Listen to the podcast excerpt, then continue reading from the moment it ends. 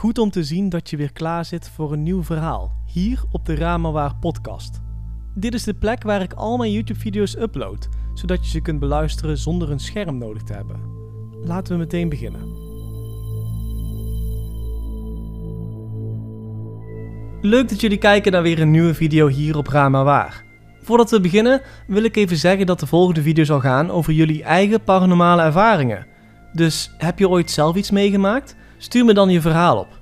Dit kan via mijn Instagram, mijn naam is daar Marcello1, of mijn Twitter met dezelfde handle, Marcello1. Laat me ook meteen weten of je met je naam in de video genoemd wil worden, of liever anoniem wilt blijven. Ik ben benieuwd naar wat jullie allemaal meegemaakt hebben. Goed, nu dat uit de weg is, kunnen we beginnen met de creepypasta. Ik heb het nooit erg gevonden om doof te zijn. Sterker nog, hoe ouder ik was, hoe meer ik het waardeerde.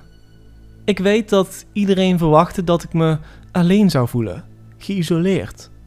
Maar daar was niets van waar. Ik hield van de stilte. Het zorgde ervoor dat ik zonder al te veel afleidingen door het leven ging. Mijn ouders aan de andere kant zagen mijn handicap als een persoonlijke vloek, alsof God ze de middelvinger had gegeven zodra ik geboren werd. Ze waren beide perfect, met het perfecte huisje, de perfecte hobby's en het perfecte leven. Een dove dochter paste daar niet echt bij. Ik zag er precies uit zoals ze wilde. Zijde zacht blond haar, een porseleinen huid en heldere blauwe ogen. Maar voor hen was ik een prachtige vaas met een barst erin. Ze haalden alles uit de kast om mij te repareren. Operaties, homeopathische behandelingen, acupunctuur en noem het nog maar op. Maar niets hielp, dus gaven ze het op een gegeven moment op. Mijn hele jeugd hing er een sfeer van teleurgesteldheid om me heen. Zelfs wanneer ik de beste van de klas was, een droombaan kreeg en trouwde met een knappe man genaamd Teddy. Ik denk dat die continue druk van mijn ouders er uiteindelijk voor gezorgd heeft dat ik toestemde om deze operatie te doen. Ik wilde ze eindelijk gelukkig maken en ze de dochter geven die ze altijd al wilden hebben.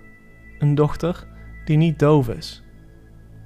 Het was een experimentele operatie die gedaan werd door een specialist genaamd Dr. Wilson Bakelaar, die in het noorden van het land woonde.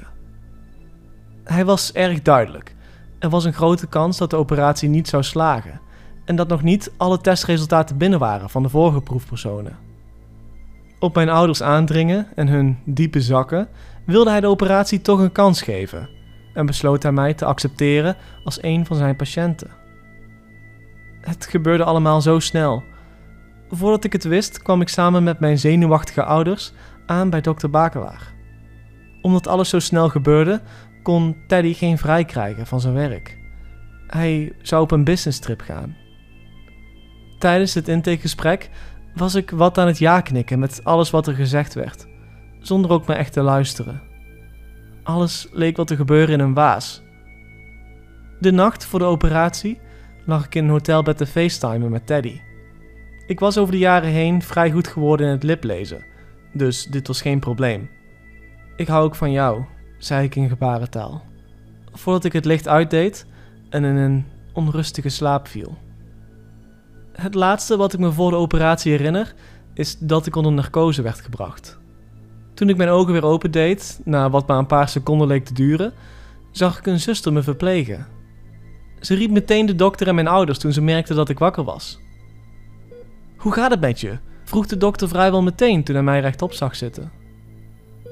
Het gaat wel goed, zei ik. Ik voel alleen. Ik stopte. En dokter Bakelaar gaf me een glimlach van oor tot oor. Ik, ik kan je stem horen. Oh mijn god. Mijn moeder begon meteen te huilen toen ze zag dat de operatie een succes was. Mijn vader sloeg zijn arm om mij heen van vreugde. Dank u, dokter, zei mijn moeder.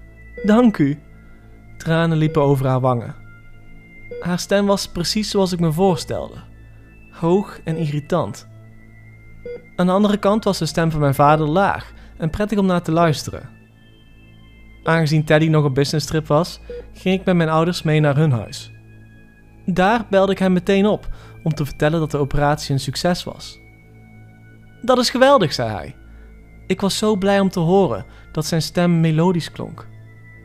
Ik zit nog steeds hier vast, maar probeer zo snel mogelijk weer terug thuis te komen. Dat beloof ik, zei hij. Terwijl ik bij mijn ouders aan tafel schoof voor het avondeten, voelde ik nog steeds een vreemde druk op mijn oren. Maar verder had ik er niet heel veel last van. Ik was enthousiast aan het praten over een aantal van mijn nieuwe favoriete geluiden, toen ik opeens iets hoorde. Het was erg zacht en het klonk als mijn moeders stem. Maar dan alsof het gefluisterd werd. Het is jammer dat ze nog steeds hetzelfde klinkt, hoorde ik haar zeggen. Wat? vroeg ik, terwijl mijn beide ouders naar me keken.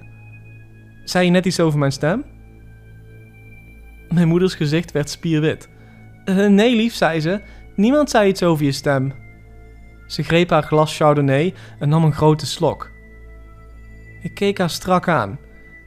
Ik kon nog iets anders horen. Maar op dat moment kon ik niet echt mijn vinger erop leggen. Later bleek dat het ging om het geluid van een piepend wiel. En rechts van me hoorde ik iets anders. Meer aardappels. Ik keek naar mijn vader, die met zijn opscheplepel een flinke schep aardappels op zijn bord legde. En achter hem hoorde ik een, een deuntje of iets dergelijks. De daaropvolgende dagen kwam ik erachter dat ik niet alleen mijn ouders zijn gedachten en geluid kon horen, maar dat van iedereen. Elk persoon had een eigen, unieke geluid. Vaak was het achtergrondgeluid, wat zo zacht was dat ik het nauwelijks kon horen. En soms waren het woorden, waar iemand aan dacht. Maar over het algemeen is het een hoorbare sensatie. Ik spendeerde de meeste tijd op YouTube om zoveel mogelijk geluiden te horen, zodat ik de geluiden van mensen om me heen kon identificeren. De buurvrouw die aan de overkant van de straat woonde en een geweldige kok en vriendelijke vrouw was, had het geluid van iemand die gefrituurde kip aan het eten was. De postbode klonk als regen die op de stenen viel. En de tuinman van mijn ouders had het geluid van een dek kaarten die gedeeld werden. Een aantal mensen hadden muziek als hun geluid. Niet een simpel deuntje zoals die van mijn vader, maar complete orkesten die me sprakeloos achterlieten. Aan het einde van de straat in een klein huisje woonde een andere dame, die een van de kampen in de Tweede Wereldoorlog had overleefd. Haar geluid kon ik van honderden meters af al horen. Het was muziek die zo bombastisch was dat ik niets anders kon dan stilstaan terwijl er tranen over mijn wangen rolden. Hoewel, mijn favoriete geluid kwam van kinderen. Ik weet niet hoe, maar ik vond dat het geluid van kinderen allemaal hetzelfde was. Een mix van gegiegel en gelach. Vrij en gelukkig. Zodra ik langs een speeltuin of school liep, kon ik het geluid van alle kinderen tegelijk horen. Als een stadion vol geluk. Ik was aan het winkelen in een winkelcentrum en nog volop aan het genieten van een leven met geluid.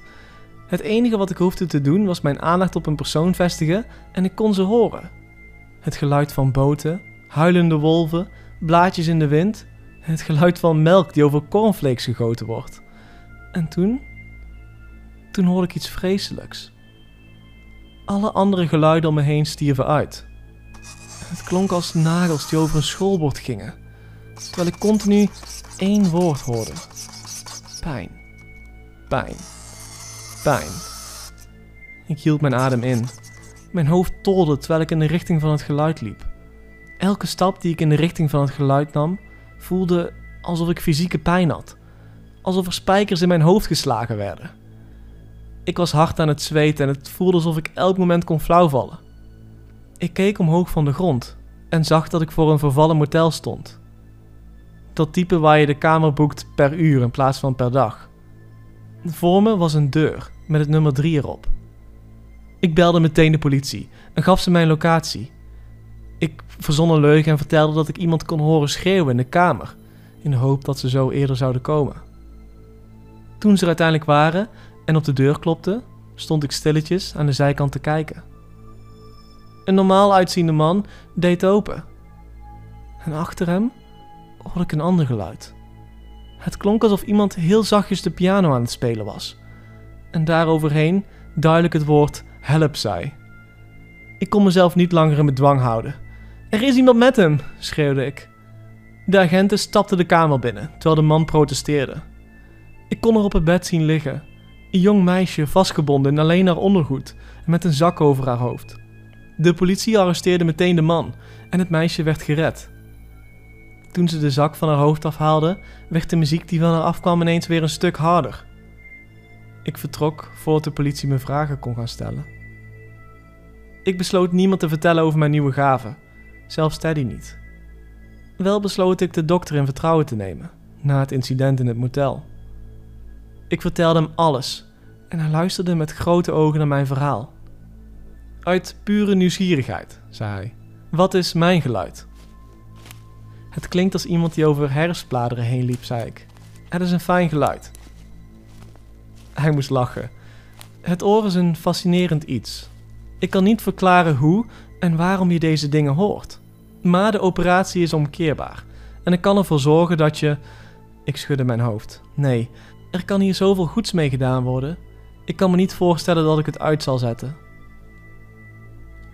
Het duurde niet lang voordat ik daar anders over dacht. Ik was in mijn ouders keuken aan het praten met onze schoonmaker, Anita, die het geluid had van twee rubberen handschoenen die tegen elkaar aangevreven worden. Toen het me plotseling overviel. Het was een geluid die mijn adem ontnam. Het geluid van kinderen die aan het schreeuwen waren en aan het huilen van de pijn, alsof ze gemarteld worden.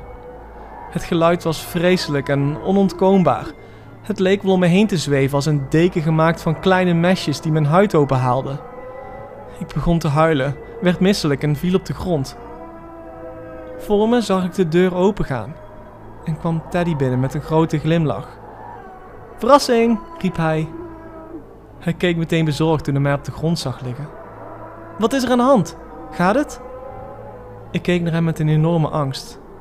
Het geschreeuw van de kinderen ging nog rond in mijn hoofd, nu nog harder dan eerst. Mijn geliefde Teddy, mijn man en de drager van het vreselijkste geluid op aarde.